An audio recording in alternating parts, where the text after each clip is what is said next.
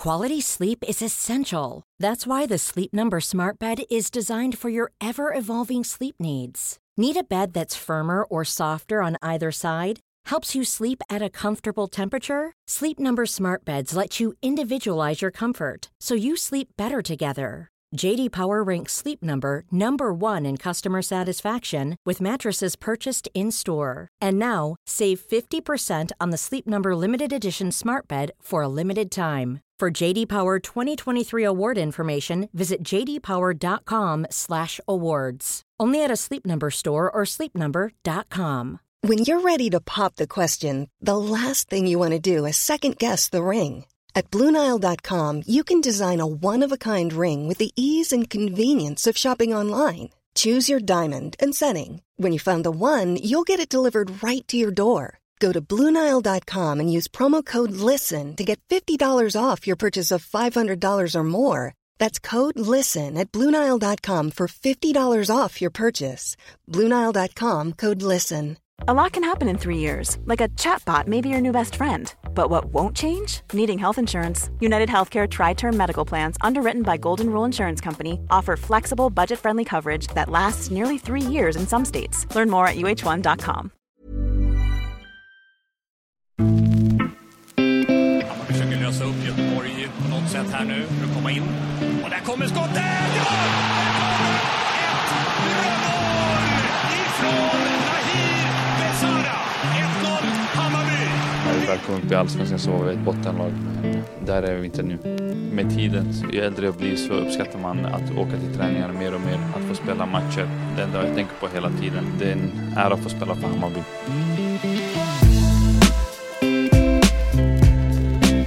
Efter några år i andra klubbar är Nahir Basara tillbaka i Hammarby, dit han kommit för att stanna. Där har han axlat en ledarroll i det Hammarby som blandade och gav under fjolåret. När han gästar podden pratar han om förändringarna Kim Hellbergs intåg inneburit och om att toppstrid är det enda som räknas 2024. Det gäller att komma in direkt och leverera och eh, Kim är väl medveten om det och eh, likaså spelarna som kommer in. Hammarby har byggt upp sig genom åren att nu ska vi vara ett etablerat topplag och eh, det gäller för oss att vinna från första sekund. Och Besara berättar om hur det var att få dra på sig den blågula landslagströjan för första gången vid 32 års ålder. Trots att han fått nobben ett gäng gånger när Janne Andersson var ansvarig.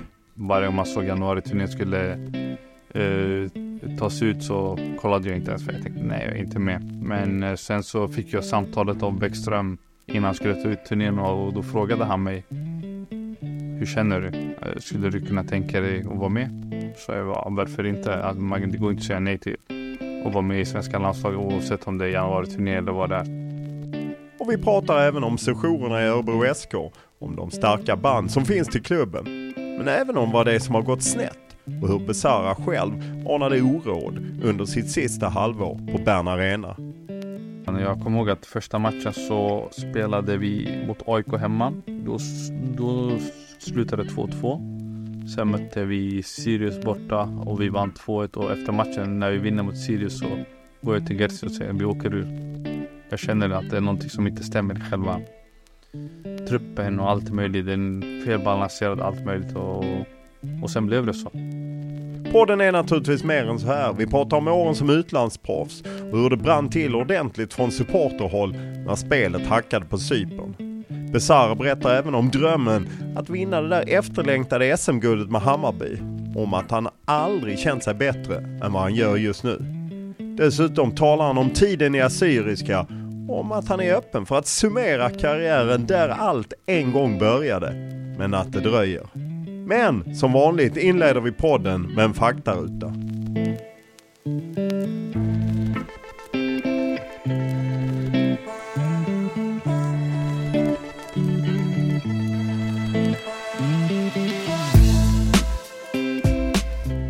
Ålder? Eh, nyss fyllda 33 Bo?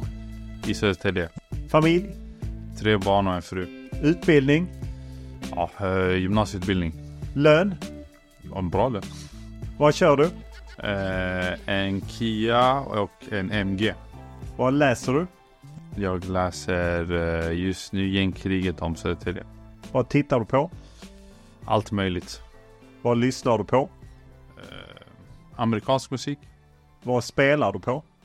Vad menar du? Ja, man kan ju spela allt från Playstation till gitarr till på hästar och fotboll. Ingenting just nu. Vilken var din favoritspelare när du var liten och varför? Zinedine Zidane. Han är den bästa mittfältaren genom tiderna för mig. Vilket är ditt favoritlag och varför är det just ditt favoritlag? Jag har två. Det är Real Madrid och Milan. Uh, Real Madrid är Real Madrid. Uh, men Milan, ja, jag växte upp, kollade Milan mot Juventus och såg Shevchenko göra mål mot Buffon och då följde jag för Milan. Vad är det finaste du vunnit i fotbollssammanhang? Ingenting i princip kan man säga. Det är det som, ja, vad ska man säga, jagar mig kan man säga. Vilken är den bästa tröja du bytt till dig? Uh, vad står det? Vilken är den största upplevelse du haft i fotbollssammanhang? Det är nog cupfinalen. Det var, det var roligt. Och eh, landslagsdebuten nu i januari-turnén. Vilken regel hade du velat ändra på? Någon, eh, någon form av VAR, men ett mycket bättre system. Eh, vad hör du mest på plan när de vill psyka dig? Lite olika. Liksom. Äh, man kan höra allt möjligt. Vad är, vem är den bästa du har spelat med? Yes. Bra fråga. Jag har några stycken. Eh, Nordin Gerzic. Eh, Kennedy Bakircioglu. Eh, Darijan Bujanic. Vilken egenskap kan du bli avundsjuk på när du tittar på andra spelare? De som är snabba. Vad är det? Vilket köp ångrar du? Som alla utlandsproffs har du handlat på dig en del prylar? Nej, inget så utan ja, något, någon, någon sko som jag har använt en gång och men jag brukar inte köpa onödiga grejer. Om vi tar bort idrott och hälsa, vad var du bäst på i skolan? Matematik. Vilken är din favoritfilm?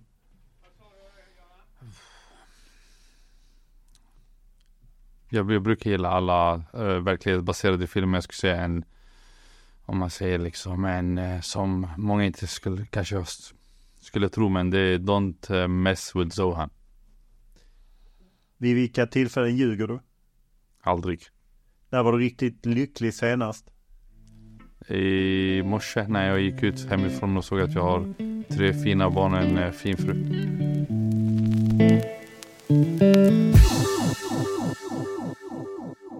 Vi träffas på Årsta IP Hammarby avgörande i kuppen mot Mjällby och eh, förstår du de bayern sportare som är lite oroliga trots att ni slog Sundsvall senast eh, med tanke på hur det har sett ut? Ja, jag är själv inte riktigt nöjd hur det har sett ut men jag tror att vi kommer bara bli bättre hela tiden för jag känner att vi blir bättre och bättre för, vecka, för varje vecka som går. Eh, vad är det som inte riktigt stämmer tycker du? Ah, små saker. Men det är små sakerna som gör alltid det här, alltså att, uh, att det inte riktigt sitter utan jag vet att uh, vi spelar väldigt annorlunda mot sättet vi spelade förra året men uh, jag ser liksom att det här kommer funka och det här kommer bli jättebra i, i framtiden men såklart att jag ville att det skulle sitta, allt skulle sitta perfekt nu men det gör inte men jag ser hur hårt våra tränare jobbar, jag ser hur hårt våra spelare jobbar så jag tror verkligen på sättet vi vill spela på. Blir det lite extra laddat att möta Mjällby med tanke på att de har varit sura på förbundet som gett er eh, fördelar? Det är lite munhuggeri och, och liknande och det är ju också storstad mot landet. Mm. Nej, jag uppskattade att de sa att det är inte vårt fel. Eh, det är inte vi som har bestämt att ha matchen här. Så uh, nej, men det är alltid, alltid kul att möta Mjällby oavsett vad folk tror. Uh, de är kaxiga för att vara småstadsklubb om man säger så. Är kuppen en väg för er till Europa? Det är det ju i teorin. Är det, är det ett mål ni har eller är det längre som ni ser? Jag menar ni har nya tränare och så. ja, det är klart att jag vill vinna cupen. Jag, vi har varit i semifinal två i rad och jag ser inget annat än att vi kan gå och vinna hela men eh, det är också kul att få spela tävlingsmatcher men när man väl spelar tävlingsmatcher så handlar det om att vinna så såklart vill vi vinna varje match. Eh, du gjorde mål och eh, vår krönikör Viktor Elm, gamle spelaren, han hyllade dig i en krönika hos oss. Tycker att du är ja, bättre än någonsin på något sätt. Hur, hur känner du själv om du liksom isolerar dig kontra Hammarby? Nej, jag tror jag har, jag tror aldrig känt mig så bra som jag känner mig just nu fysiskt sett om man säger så.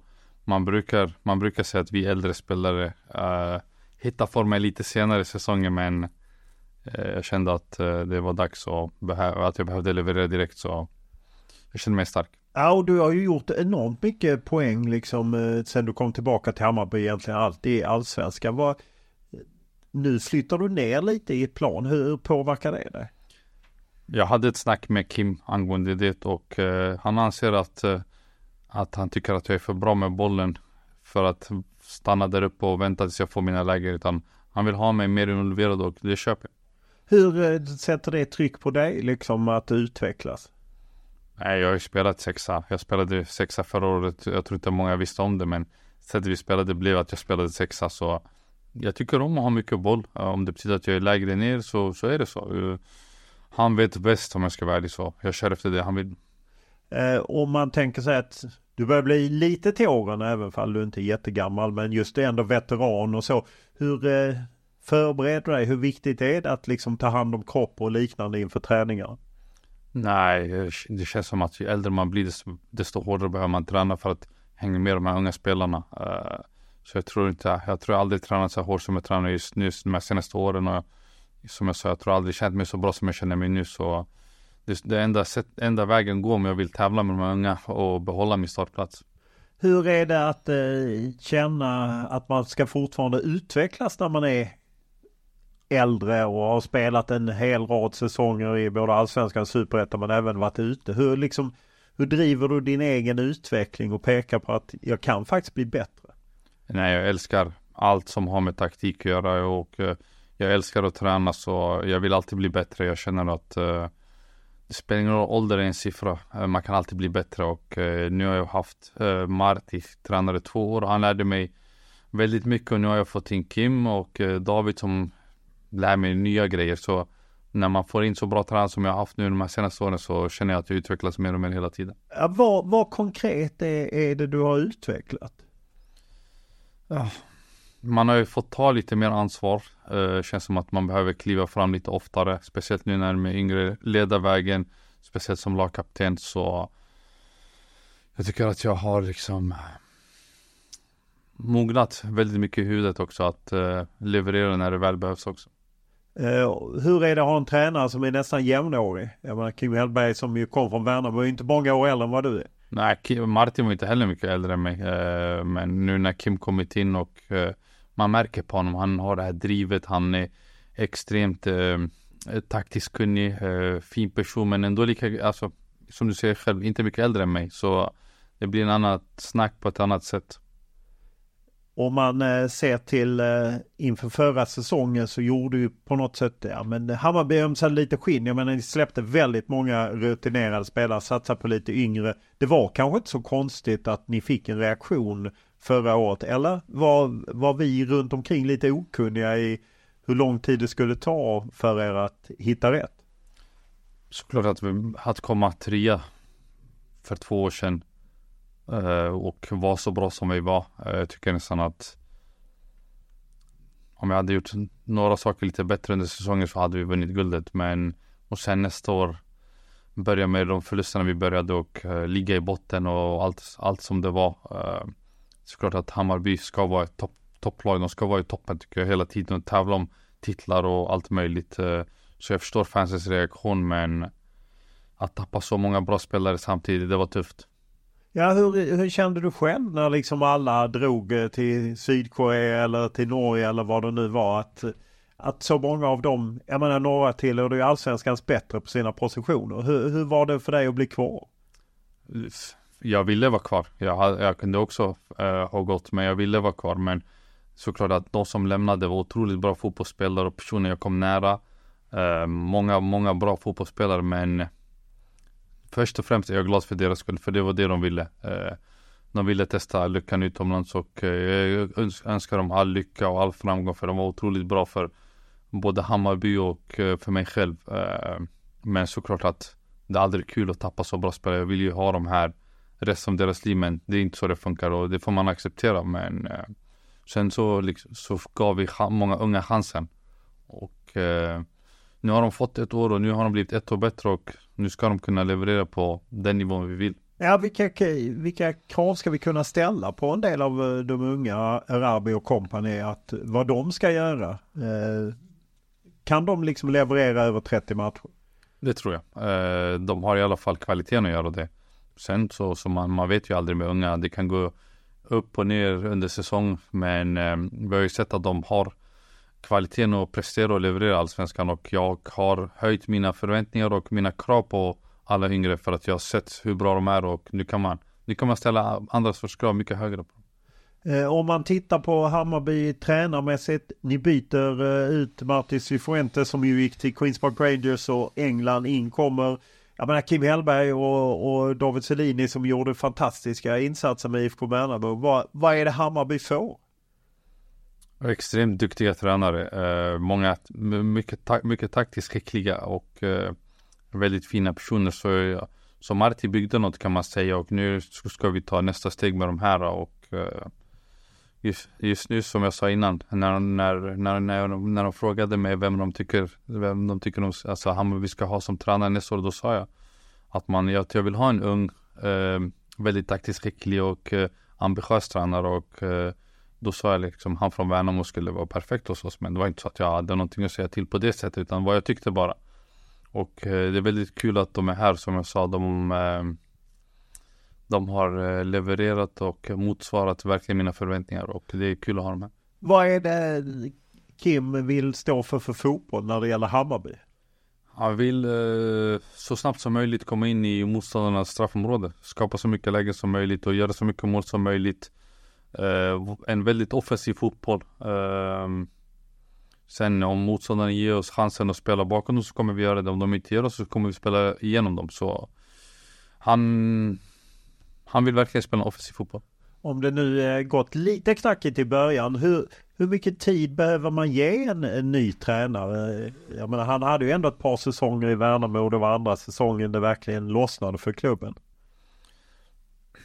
I en klubb som Hammarby så kan man inte få den tiden. Det gäller samma sak nyförvärven. Man kan ju inte, man kan inte hämta en spelare och säga i Hammarby att ja, du får ett halvår på dig. Det funkar inte så. Utan det, det gäller att komma in direkt och leverera och eh, Kim är väl medveten om det och eh, likaså spelarna som kommer in. Hammarby har byggt upp sig genom åren att nu ska vi vara etablerat topplag och eh, det gäller för oss att vinna från första sekund. Det är ju en sak att, att vara i IFK Värnamo med den, eh, ja oavsett om man tittar på supportrar, medier eller annat, så är ju trycket på en helt annan nivå än Hammarby. Hur rustad är Kim Hellberg för eh, Hammarby och när det kan blåsa till här kring Årsta eller Tele2? Jag har snackat med Kim en del om allt möjligt. Eh, vi har kommit varandra rätt så nära nu på så kort tid. Eh, jag visste inte hur han skulle hantera det men jag är verkligen inte orolig alls. Han är verkligen en självsäker och stark person så jag är verkligen inte alls orolig när det kommer till det. Han kommer hantera all, all press, all möjligt hur bra som helst för att när man pratar med honom så märker man hur stark person han är och hur kunnig han är. Men eh, du säger att man kan ju inte få ett halvår på sig i Hammarby samtidigt. Det, det kanske dröjer lite innan det lossnar. Vad är ditt budskap till Hammarby-supportrarna som är otåliga och vill ha framgång? Jag vill, jag vill, jag är här för att också, jag, jag vill ju, jag har ju en dröm att vinna SM-guld med Hammarby.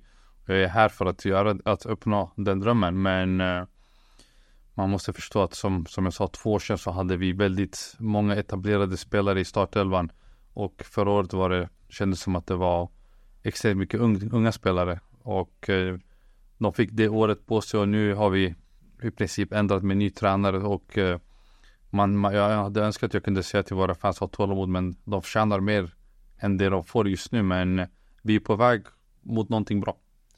Vad skiljer Kim Hellberg med Martin Cifuentes i hur man jobbar och fotboll och annat? Vad är det Kim Hellberg tar in för andra saker som inte fanns? Bägge är två tränare som vill dominera matcherna. Uh, bägge vill äga mycket boll. Ehm, skillnaden skulle jag nog säga att försvarsspelet, eh, uh, Kims är lite mer aggressiva kanske än Martis och uh, Martis själva hans spel var lite mer kontrollerande än kanske vad Kims är på det sättet men bägge vill åt samma sak att eh, dominera matcherna och skapa så mycket mål, målchanser som möjligt. Eh, och hur delaktiga är ni spelare? Jag menar du är lagkapten som har eh, kontakt med Kim. Men hur delaktiga är ni spelare när ni liksom pratar med Kim? Det här vill vi göra, det här vill vi åstadkomma. Inte mycket. Utan han, han har ju satt, alltså han har ju sitt sätt att spela, sitt sätt att se på fotboll och det är ju tränaren som bestämmer. Det är inte så att han styr oss ute med, med Playstation-kontroll utan han, han, han är ändå rätt så fri i sitt sätt att spela. Martis var lite mer position, positionsspel, alltså att du ska vara, mittfältaren ska stå där, mittfältaren där bollen kommer till dig. Det här är lite mer, lite mer fritt på det sättet. Så det är inget vi bestämmer på det sättet, men jag har, jag känner att jag kan säga vad jag tycker och tänker utan att, även om jag kan tycka att vissa saker är bra eller dåligt, han otroligt lyhörd, otroligt liksom tar till sig och säger tillbaka liksom. Man har en bra diskussion om. Hur skiljer sig träningsmängden? Vi har ökat. Vi tränar oftare, tränar mer men det är ju sättet man vill spela på. Det är ju det som är skillnaden. Trä, alltså, en tränare bygger sin, sin periodisering av träningar utefter sättet de vill spela på och Kim spelar på ett visst sätt och Martin på ett visst sätt. Så. Kommer ni orka mer i årets allsvenska? Hur menar du alltså att orka? Ja, jag orkar mer, ett högre tempo, liksom springa mer liknande om ni har ökat eh, träningsmängden?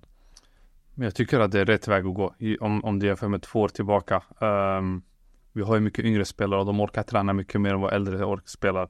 Och, um, Hur hänger du med då? Jag orkar. Jag har inte missat en träning än så jag kör på. Men uh, han, uh, han, han har ju byggt själva periodiseringen av träningen efter de yngre spelarna och inte efter oss äldre spelare utan han går efter de yngre och sen kan de äldre eh, som känner sin kropp eh, om det behövs hoppa över en träning eller så men liksom vi bygger efter de yngre och sen kan de äldre känna av själva om de orkar träna varje träning eller inte. Om man eh, ser till eh, just de spelarna ni, ni tappat. Eh, jag förstår att sportchefen Micke Hjelmberg jobbar för att få in lite annat. Vad, vad tycker du att ni behöver förstärka? Jag menar det är ju ändå en månad drygt till transferfönstret stänger?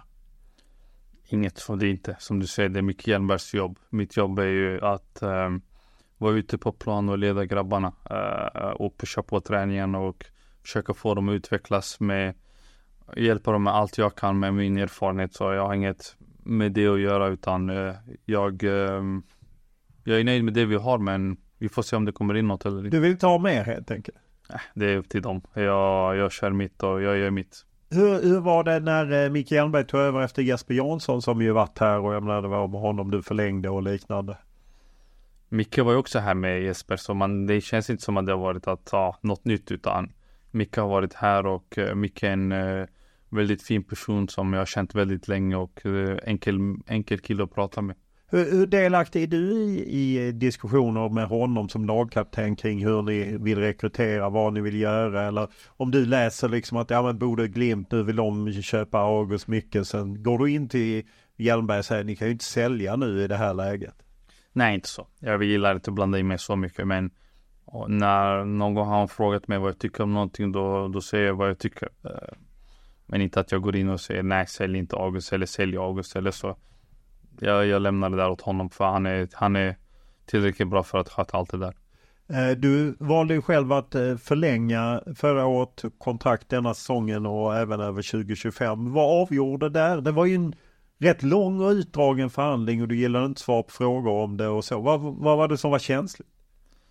Inget så, utan det blev bara Det känns som att allt hela tiden kom ut i media hela tiden och det var det jag inte ville utan jag hade min diskussion med Hammarby, jag hade det jag ville ha och det, de gav det de ville och eh, det tog sin tid och jag visste att det skulle vara så men till slut visste jag också att vi skulle hitta en lösning för att bägge går ju ut med att de vill ju ha mig kvar och jag vill vara kvar så förr eller senare skulle vi hitta en lösning men det blev att ena dagen stod det i media att ja, de kommer inte överens. Nästa dag är det klart. Nästa dag är det så så.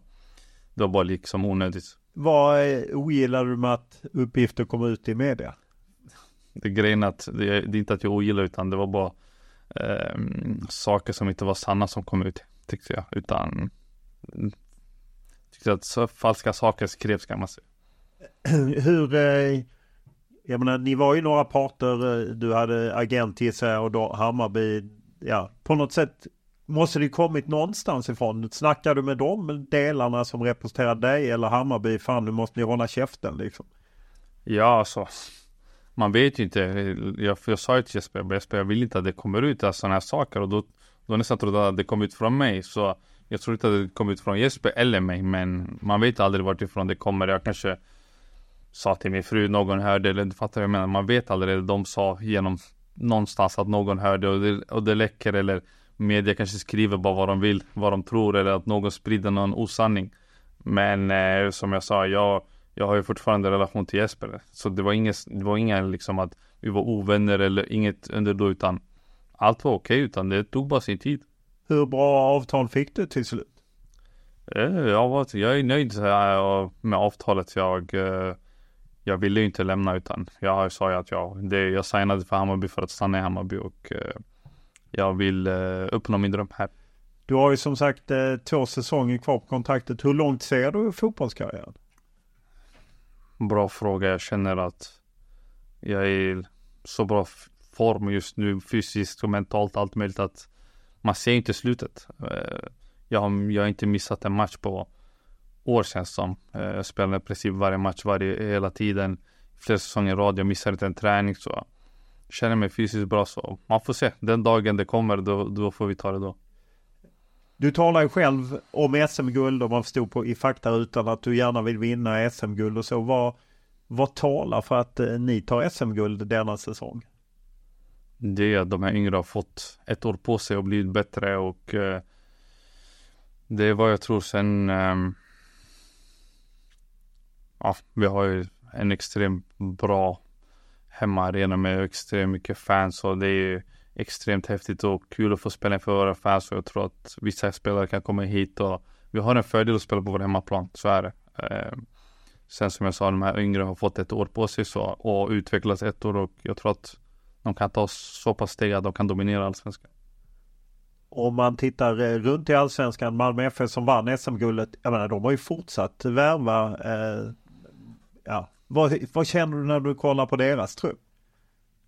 Vi var ju där i januari-turnén och de hade några spelare med där och snackade en del med dem och de har ju två LO som skulle kunna komma ett och två allsvenskan, så är det. De har ju överlägset mest pengar och uh, värvar extremt många bra spelare så det är klart, Malmö är laget man ska slå. Men uh, det är inte omöjligt om man säger så. Det är ett jättebra lag. Jag har största respekt för Malmö men det är inte omöjligt.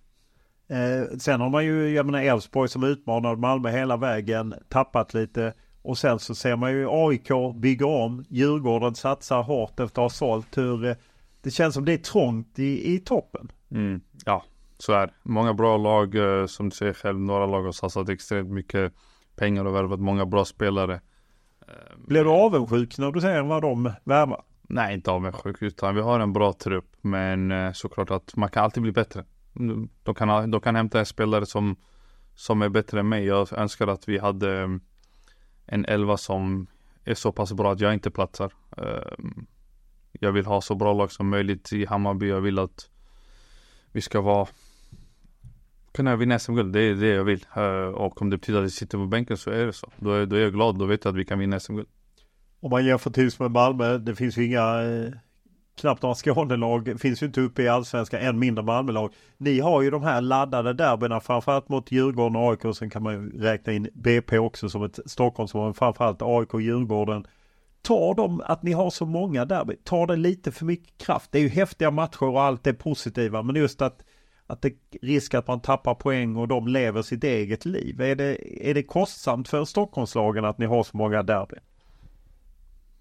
Malmö möter ju också Djurgården och AIK borta så som vi gör. Eh, så det är ju samma matcher så det är lika. Det är också stora matcher när Malmö möter Djurgården och eh, AIK eller oss. Så det är Jag kan inte se det på det sättet men eh, Jag satt med några fans häromdagen och frågade dem Väljer ni att vinna SM-guld och förlora alla derbyn eller vinna alla derbyn och kommer femma? Alla, alla sa samma sak. Vi vinner helst SM-guld. Och det är så jag känner att det är matcher, viktiga matcher, det är kul. Jag vet att det betyder mycket för våra fans men viktigaste är ju målet att vinna SM-guldet förr eller senare. Om man eh, ser till att spela för Hammarby, du nämner ju supportrar och att ni har drag. Hur, hur är det att representera Hammarby och, och springa ut på Tele2 nu? Första matchen är i kuppen när vi mötte eh, Västerås och man kommer ut och ser att det är 20 000 på läktaren. Det, det är otroligt. Så det är en ära verkligen och varje gång få gå ut och leda grabbarna in på plan som lagkapten. Det är svårslaget. Om man ser till eh, ja, baksidan av det är ju att det kan vara, eh, ja men jag menar supportrar kan komma hit och uttrycka sitt missnöje när de inte är nöjda. Sen eh, vad man sätter för epitet på det, om det är krissamtal eller om det är vanliga diskussioner. Men hur, hur upplever du det att, att supportrar liksom inte alltid är nöjda? För så är det ju i de klubbarna där det är, finns stort engagemang. Jag tycker att svenska supportrar är snälla. Eh, jag tycker att våra fans är, har, de var ju här förra året och det var inte någon, det var inte, hur ska man säga, något aggressivt snack eller så. De kom hit och pratade, ville liksom säga sitt för att de är ju där varje match med oss, supportrar oss och såklart så har de rätt att säga vad de känner tycker jag. Eh, som jag sa, svenska supportrar överlag är snälla. Och jag tror man går till andra länder och ser hur deras fans är så eh, i Cypern när jag spelade så fick vi stenar kastade på oss. Så det är skillnad. Jag tycker att eh, de har all rätt att uttrycka sig. Eh, och du som lagkapten, tycker du det är viktigt att ha den dialogen med supportrarna? Definitivt. Eh, Hammarby är en speciell klubb. Eh, jag tror att många vill komma och spela Hammarby. Just nu, just nu är det okej, okay. vi är topplag, vi är kommit till ja, toppen några år nu, men Hammarby dragen kraft är att man får spela inför sådana fans. Du eh, har ju som ingen annan väl riktigt i klubben numera. Jag menar du var ju här redan 2013 när det var superettan och var med och spelade upp dem i, i allsvenskan. Om du jämför Hammarby då och nu, det är ju liksom tio år. Vad är bättre? Allt förutom fansen, där det är ju samma. Men allt annat är ju bättre tycker jag.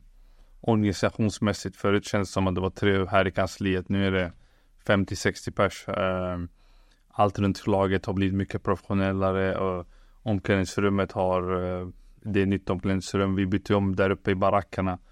Eh, så allt har blivit extremt mycket professionellt och nu när jag var där första gången då var vi i superettan.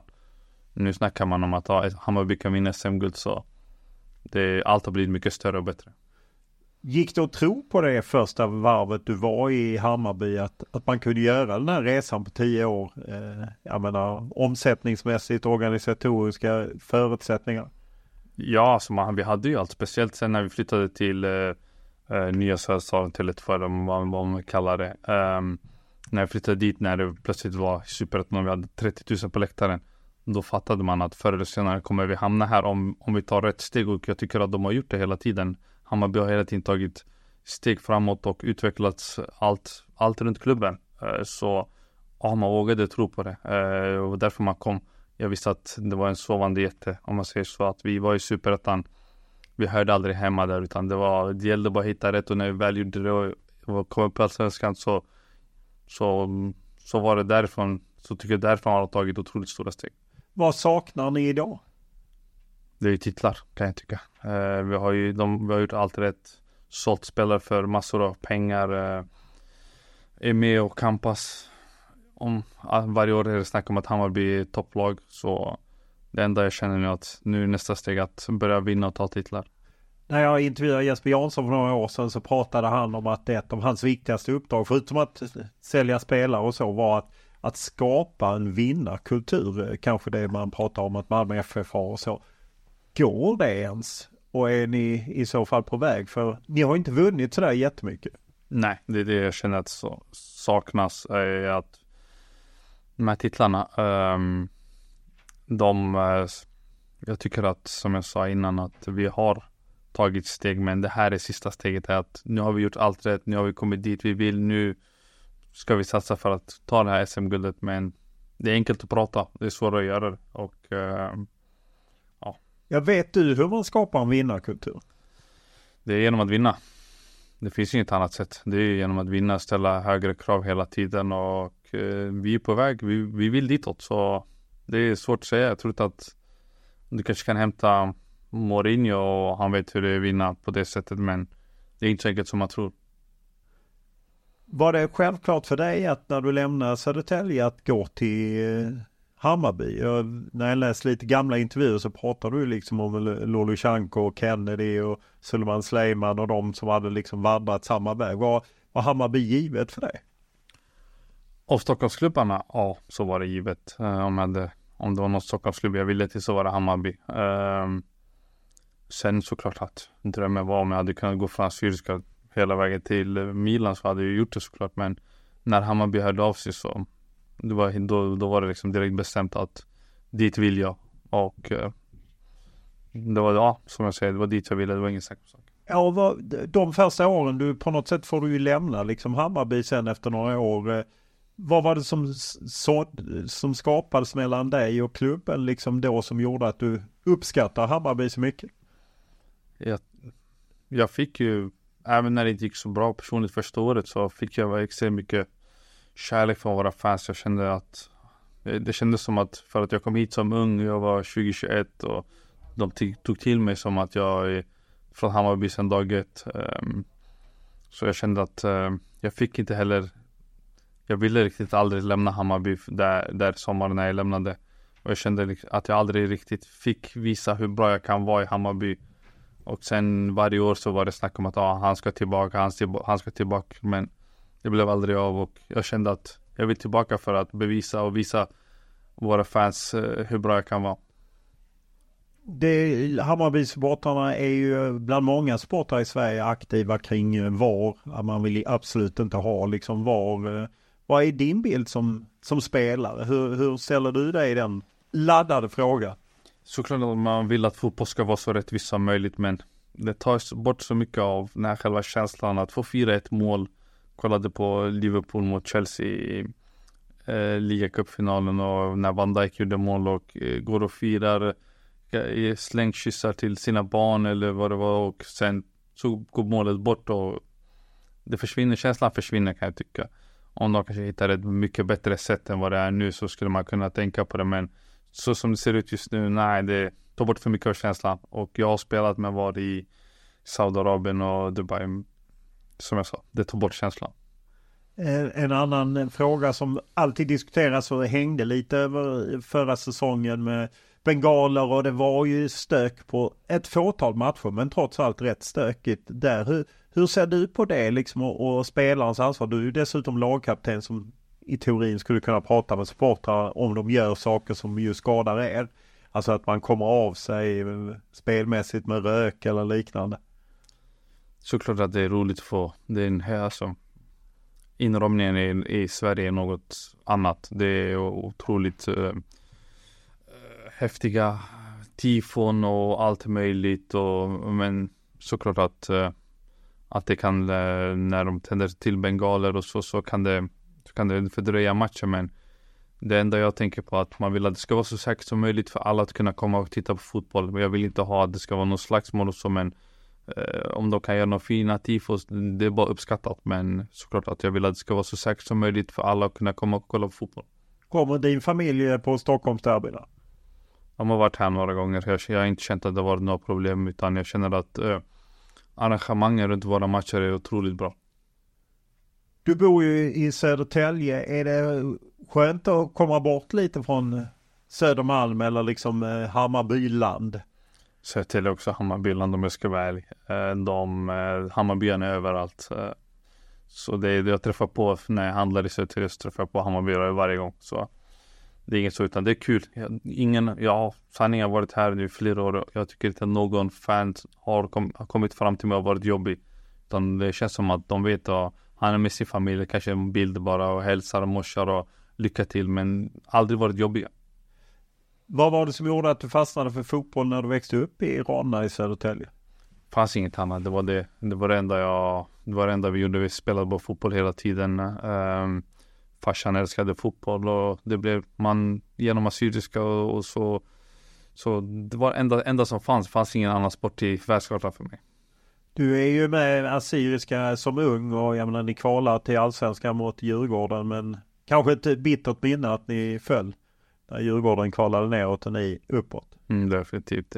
Det var en tråkig, en riktigt rolig första hemmamatch men en riktigt tråkig bortamatch där ja, matchen förlorar vi och sen så blir det att en av mina lagkamrater får en smäll också. Så det var en tråkig bortamatch men ja. Ja det blev ju kravaller när eh, det stormades eh, planen eh, och vad jag vet så du, du var ju på planen när Mattias Jonsson avgjorde det. Hur, var du rädd då när det liksom stormade, folk stormade planen? Ja, man, man, man tänker ju inte att det, något sånt ska hända. Vi, det var inte så att jag sprang av planen eller så. Jag tänkte, tänkte inte att något sånt kan hända. Uh, men sen så hände det ändå. Så det är klart det är tråkigt men det, det är mass, flera, år, flera år sedan. Det är nästan 15 ja, ja, år. Ja, det är 15 år Så jag tror inte sånt skulle hända nu idag. Så det, det var det är. Vad, vad har hänt med fotbollen i Södertälje? Jag menar du är ju med i Assyriska när de är på gränsen till Allsvenskan. Sen känns det som att fotbollen i Södertälje lite säckat ihop att ha både assyriska och syrianska där eh, två olika lag känns som att det var lite för stort för Södertälje. Tycker jag. Eh, man fick De inte... kannibaliserade på varandra helt eh, Inte så utan det var, var aldrig något problem mellan klubbarna så men man fick inte kanske det stödet och hjälpen de hade behövt för att klara så små klubbar klarar sig inte själva utan man skulle behöva ha eh, Södertälje kommun med sig kanske lite mer och, och satsa men så små klubbar skulle inte överleva utan Superettan tror jag är en bra nivå för bägge klubbarna. Eh, jag tror det blir svårt att försöka komma upp i Allsvenskan och etablera sig där. Finns det någon tanke i bakhuvudet att eh, kanske spela för Assyriska när du varvar ner? Ja, såklart. Men jag har sagt hela tiden att jag har signat Hammarby för att stanna här till sista dagen. Men väljer om att eh, avsluta mitt kontrakt och jag känner mig inte redo. Då, då är det förmodligen tillbaka till Södertälje, fotbollen och Assyriska. Så hur mycket är de på dig att de, de vill se dig avsluta? Ja, såklart att de är på mig. Eh, både Syriska och eh, de andra Södertäljelagen. Men eh, jag är Hammarby och eh, det är här jag vill vara. Så det, jag tänker inte på det utan blir det så blir det såklart man. Det är en moderklubb. Jag spelade där sedan jag var 7 till 21. Det är många år och eh, såklart, såklart det skulle vara kul eh, att ge tillbaka till sin moderklubb. Men just nu tänker jag bara på Hammarby. En annan svensk klubb man förknippar dig med är ju Örebro där du ju varit i, i flera svängar. Eh, tyvärr blev det ju inget lyckat slut när de åkte ut. Vad är, vad är det som inte stämmer i Örebro som gör att, jag menar stor stad, eh, fotbollstradition. Varför får de inte till det? Jag tycker de har alla förutsättningar för att komma mellan femma och åtta varje år i allsvenskan. Uh, fin arena. Uh, när det väl är, eh, går bra för Örebro så är det mycket publik på matcherna. Uh, många som bryr sig om ÖSK. De har många företag där som skulle kunna sponsra och allt möjligt men känns som att det har blivit lite dåliga beslut på dåliga beslut och det har inte funkat. Eh, ehm, men det är ju synd att ÖSK inte är allsvenskan. De ska vara i allsvenskan. Det är bara så. Det är en otroligt fin klubb. Ja, och du hade ju fina säsonger, gjorde mycket mål, eh, förutom då alltså sista säsongen som det ju gick tungt. Eh, vad, vad var det som gjorde att du lyckades så väl i Örebro? jag hade många bra spelare med mig, mycket bättre än vad många trodde. Det känns som att eh, det var att oavsett så var det en, man kan säga en medieskugga på ÖSK. Det, det skrevs inte lika mycket som det skrivs nu när man spelar i Stockholmslagen. Eh, så jag hade många otroligt bra spelare där. Ehm, tycker vi gjorde det mycket bra många år men när jag kom tillbaka det året, eh, sommaren, och de låg sist och jag kom tillbaka och tänkte okej, okay, jag, ska, jag ska i alla fall vara med och rädda det här för att man ÖSK har tagit hand om mig, tagit emot mig med öppna armar varje gång och gett mig allt jag behövt och, och jag har alltid gett allt vad jag kan till, till ÖSK och det var därför jag ville tillbaka för att eh, ja, rädda dem om man säger så. Men jag kände att efter två matcher så kände jag att någonting stämmer inte i själva allt. Vad var, vet du vad det var? Nej, utan jag kommer ihåg att första matchen så spelade vi mot AIK hemma. Då, då slutade det 2-2. Sen mötte vi Sirius borta och vi vann 2-1 och efter matchen när vi vinner mot Sirius så går jag till Gersi och säger vi åker ur. Jag känner att det är någonting som inte stämmer i själva truppen och allt möjligt. Är felbalanserad allt möjligt och, och sen blev det så. Även om jag verkligen, verkligen fick ont i hjärtat när de åkte ur, när vi åkte ut då, det året och um, Men jag kände att någonting inte stämde. Och det var det därför du inte ville stanna? För ni bröt väl kontraktet? Ja, alltså jag kände att eh, jag såg inte heller framtiden. Jag kände inte att, som jag säger, som jag säger om Hammarby nu, att jag ser Eh, en god framtid i, för Hammarby, men jag såg inte det för ÖSK. Jag skulle kunna vara kvar i Superettan och spela och allt möjligt, men jag kände inte att, jag trodde inte på själva projektet. Jag kände att det blev, efter två matcher kände jag att någonting var fel och eh, då kom vi överens om att eh, bryta avtalet och jag, jag har verkligen varma och goda känslor för, Hammar, för ÖSK. Men jag kände att det var fel och jag skulle inte kunna leverera på sätt jag skulle vilja sen eh, året efter.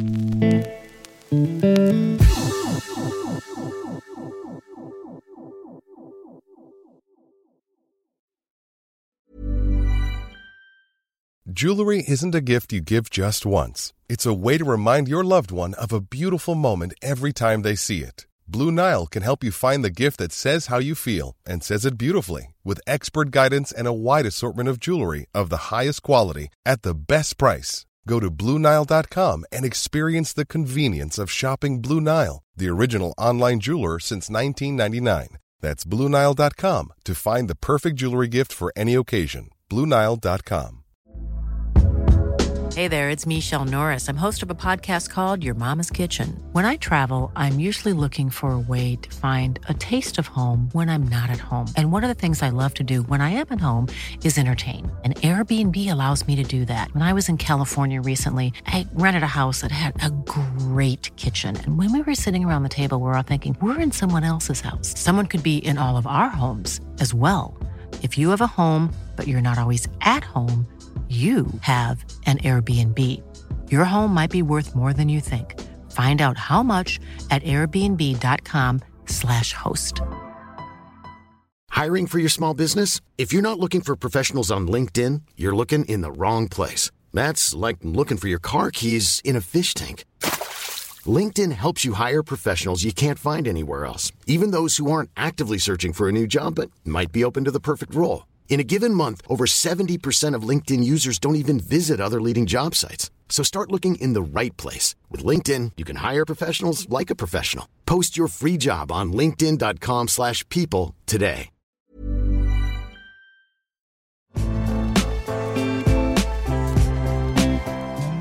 Det stämmer på så vis att eh, alla förutsättningar är klara för, att, eh, för Nahir och han kommer åka ner och göra en eh, en läkarundersökning och själv bilda sig en uppfattning om, om det är någonting för honom och därifrån är det. Skulle han säga ja till det de har kommit överens om och gå igenom läkarundersökning så är det så att Nahir kommer att lämna oss. Bezara top bekliyor. Şimdi derinlemesine Bezara. Bezara vurdu gol! 42. dakika! Du har varit ute i, eh, på både i Saudiarabien, Turkiet, Cypern och Dubai eh, och varit utlands. Lite korta sessioner. Vad är det, om vi börjar med Turkiet, vad var det som inte stämde i Turkiet? För det första vill jag inte lämna Hammarby det året när jag gick till Turkiet. Eh, jag blev i princip borttvingad kan man säga och jag ville vara kvar. Jag började få spela äntligen. Och jag började få för, äntligen förtroende från Nanne men eh, sen så blev det att eh, de var på väg att värva in någon spelare och, som skulle spela på min position. Och då, då sa de till mig att du kommer inte få spela så mycket och plötsligt så började jag göra mål de sista två, tre matcherna och då ångrade de sig men då var det, då var det redan för sent. Då hade jag accepterat det här budet. Och eh, då lämnade jag för Turkiet och jag kom dit och började jättebra första halvåret. Jag tror vi var två, trea. Vi skulle, visst de satsade. Det var andra ligan i Turkiet. Andra ligan. Då skulle vi, det, var, det, var, det var som Hammarby när de var i Superettan. Otroligt mycket fans. Eh, bra arena eh, och bra ägare. Eh, satsade mycket på klubben. Helt ny anlägg, träningsanläggning och otroligt prof, professionellt och vi gick jättebra första halvåret men sen vet jag inte vad som hände. De värvade runt 11-12 spelare vintern och en lämnade. Vi hade plötsligt typ 40 spelare på träningen.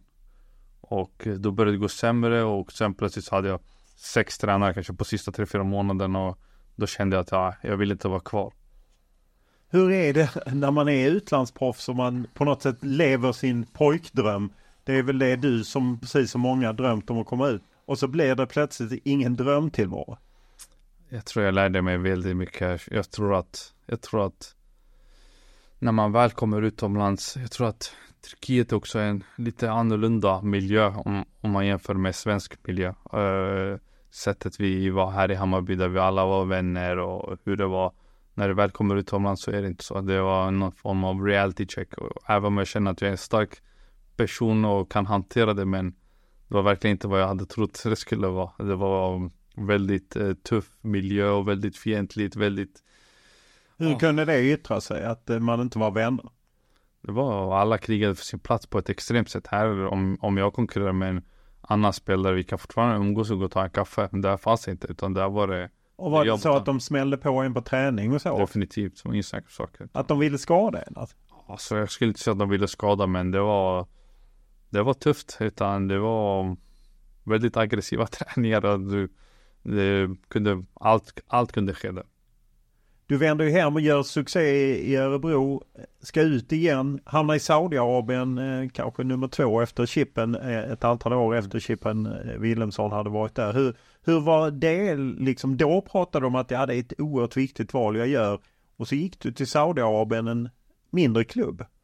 Mm, eh, tanken var inte att gå till Saudiarabien utan jag hade gjort en bra år där i i ÖSK. Jag kände att jag skulle, ja, då jag var på väg någon annanstans. Sen kom det här Saudi-erbjudandet och eh, ett bra kontrakt, ett bra med allt möjligt. Pratade med ledningen där och tränaren och allt möjligt och allt kändes jättebra men inte många, många spelare hade inte varit i Saudiarabien innan och jag kände att eh, man var liksom lite eh, rädd för att gå dit och så.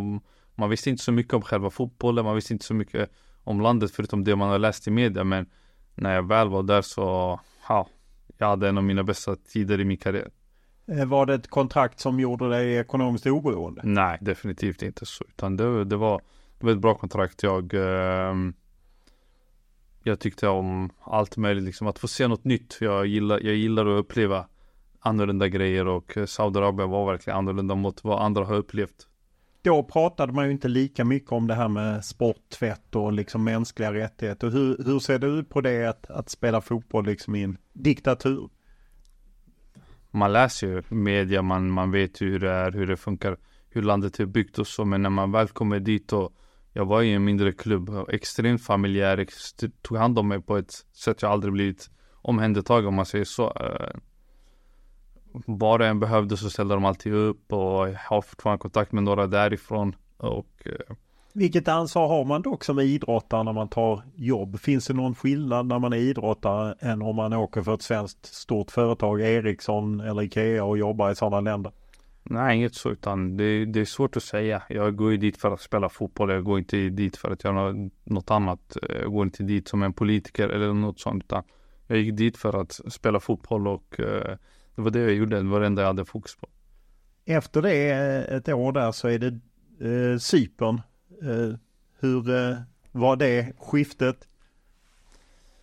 Sjuka, eh, alltså konstiga nog var att jag eh, trodde det skulle vara annorlunda i Cypern.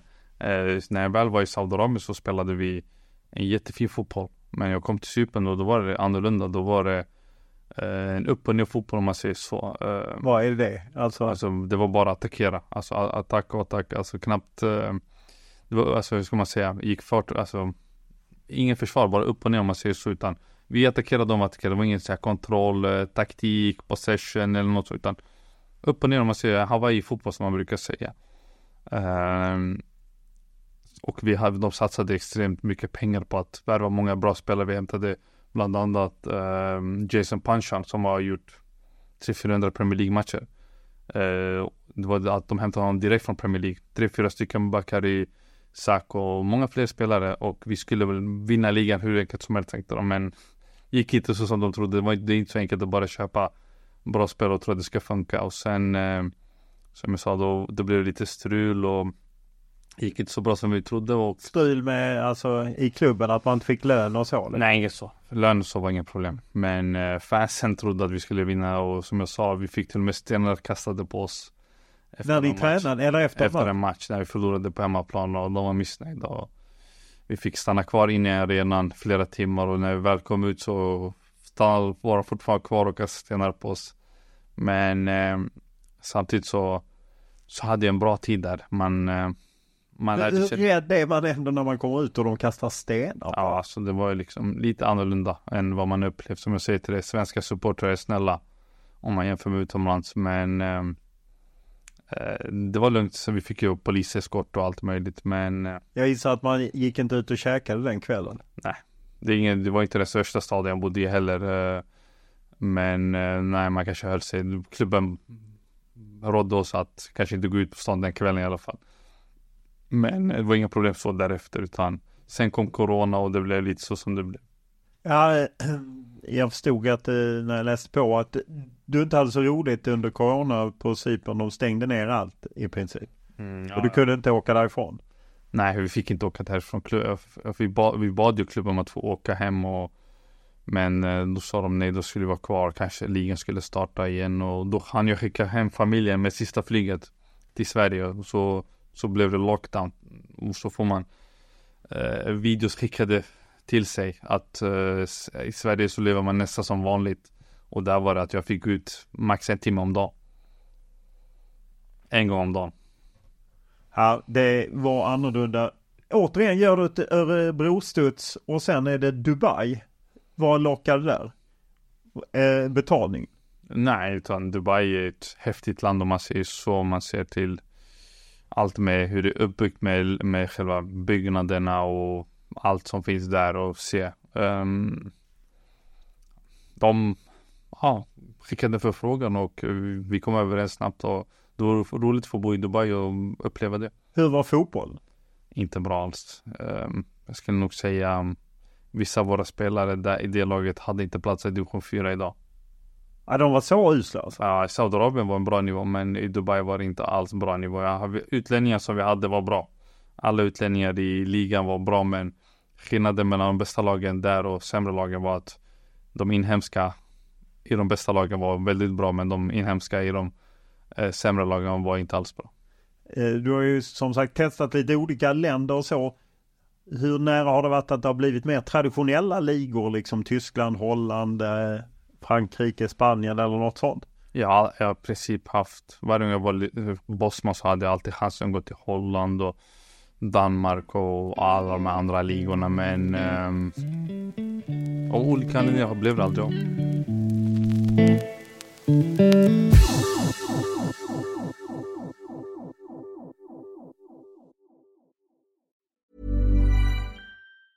Mom deserves the best, and there's no better place to shop for Mother's Day than Whole Foods Market. They're your destination for unbeatable savings, from premium gifts to show-stopping flowers and irresistible desserts. Start by saving 33% with Prime on all body care and candles. Then get a 15-stem bunch of tulips for just $9.99 each with Prime. Round out Mom's menu with festive rosé, irresistible berry chantilly cake, and more special treats. Come celebrate Mother's Day at Whole Foods Market. Planning for your next trip? Elevate your travel style with Quince. Quince has all the jet setting essentials you'll want for your next getaway, like European linen, premium luggage options, buttery soft Italian leather bags, and so much more. And it's all priced at 50 to 80% less than similar brands. Plus, Quince only works with factories that use safe and ethical manufacturing practices. Pack your bags with high-quality essentials you'll be wearing for vacations to come with Quince. Go to quince.com slash trip for free shipping and 365-day returns. Mom deserves the best, and there's no better place to shop for Mother's Day than Whole Foods Market. They're your destination for unbeatable savings, from premium gifts to show-stopping flowers and irresistible desserts. Start by saving 33% with Prime on all body care and candles. Then get a 15-stem bunch of tulips for just $9.99 each with Prime. Round out Mom's menu with festive rosé, irresistible berry chantilly cake, and more special treats. Come celebrate Mother's Day at Whole Foods Market.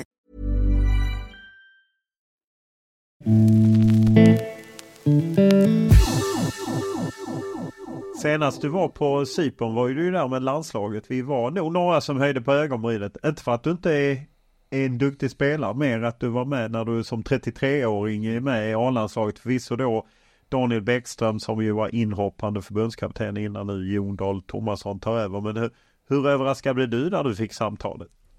Det känns som att jag hade gjort några bra år i ÖSK. Jag kom tvåa i poängligan något år och Då var jag kanske bara 26, 27, 25, 26, något sånt. Och fick inte förfrågan, då, då, då, då har jag alltid liksom aldrig tänkt på det mer. Eh, varje gång man såg januari-turnén skulle eh, tas ut så kollade jag inte ens för jag tänkte nej, jag är inte med. Men eh, sen så fick jag samtalet av Bäckström innan han skulle ta ut turnén och, och då frågade han mig Hur känner du? Eh, skulle du kunna tänka dig att vara med? Så jag var varför inte? Man, det går inte att säga nej till att vara med i svenska landslaget oavsett om det är januari-turné eller vad det är. Så när jag väl fick frågan så var det inget snack om saken. Eh, hur var det att ratas av Janne Andersson och tidigare när du gjorde väldigt bra i Allsvenskan? Att inte då ta plats på januari-turné? Nej, såklart att jag ville vara med. Det är, alltså, det är en dröm. Det är en, en av de här, som man brukar säga, boxaren som man vill ticka och ta. Alltså att få uppleva. Men eh, såklart det var tråkigt. Men efter första gången jag inte kom med när jag väl gjorde det så bra så kände jag att jag bryr mig inte längre om det. Det var mer att folk runt om mig sa, ah, blev mer arga än vad jag blev. För jag brydde mig inte om det. Hur eh, ser du nu liksom? Finns landslaget ens i dina tankar eller var det en one-off att du fick spela den där matchen? Nej, det känns som att jag var där i januari-turnén för att eh, med min erfarenhet och att jag hade gjort så bra säsonger att få visa vägen för de många yngre som var med. Um, så jag har ingen tanke så på landslaget så, utan min fulla fokus är här på Hammarby. Har du någonsin fått frågan från Syrien eller så att vara med i deras landslag? Jag har inget, jag, inte, jag, har inget, jag kan inte få, jag har ingenting med Syrien att göra eller så. Mina föräldrar är födda i Turkiet och så men jag har aldrig haft någon fokus på, eller aldrig ens brytt mig, eller aldrig ens frågat om jag kan vara med där heller. Vad tror du om eh, Jon Dahl Tomasson som förbundskapten? Jag tycker det är väldigt kul. Jag har alltid sagt egentligen att man skulle vilja ha en svensk som svensk förbundskapten. Samma som alla som spelar för svenska landslaget ska vara svenskar. Men eh, jag tycker att Jon Dahl ändå, det är ändå Danmark och ändå har spelat, eh, ändå tränat ett lag i Sverige och vet vad det betyder att vara i Sverige och allt möjligt. Så jag tycker det är ett om inte han ska vara svensk så tycker jag att det är ett bra val. Vad tror du behövs för landslaget för att de ska studsa tillbaka? De har ändå haft några tunga år. Mm, jag, jag, tycker att det var rätt väg att gå och hämta de här, någon modern tränare som har erfarenhet av att spela stora matcher. Jag är som jag sa eh, milanista och han, eh, han som har spelat i Milan så han, han vet vad det handlar om att spela de här stora matcherna. Nu har han tränat Malmö, tränat Blackburn. Eh, så han, han vet vad det handlar om. När han, när han, han har själv spelat de här stora matcherna och nu får han vara tränare så jag tror han, jag tror det är en jättebra tränare. Men du tror inte att han ringer dig? Nej, det tror jag inte. Utan ditt uppdrag är att ordna ett SM-guld och en fest kring Hammarby. Exakt, jag får bjuda honom då till eh, SM-festen om det blir så. Jättebra, stort tack för att du ställde upp. Tack själv.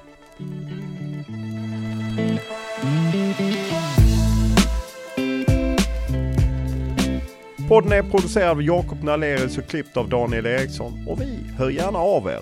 Beröm, kritik, önskemål, ja vad det än må vara. Maila mig olof.lund.tv4.se eller skriv till mig på Instagram eller X. Och då är det Olof Lund som gäller i ett ord. Stort tack för den här veckan.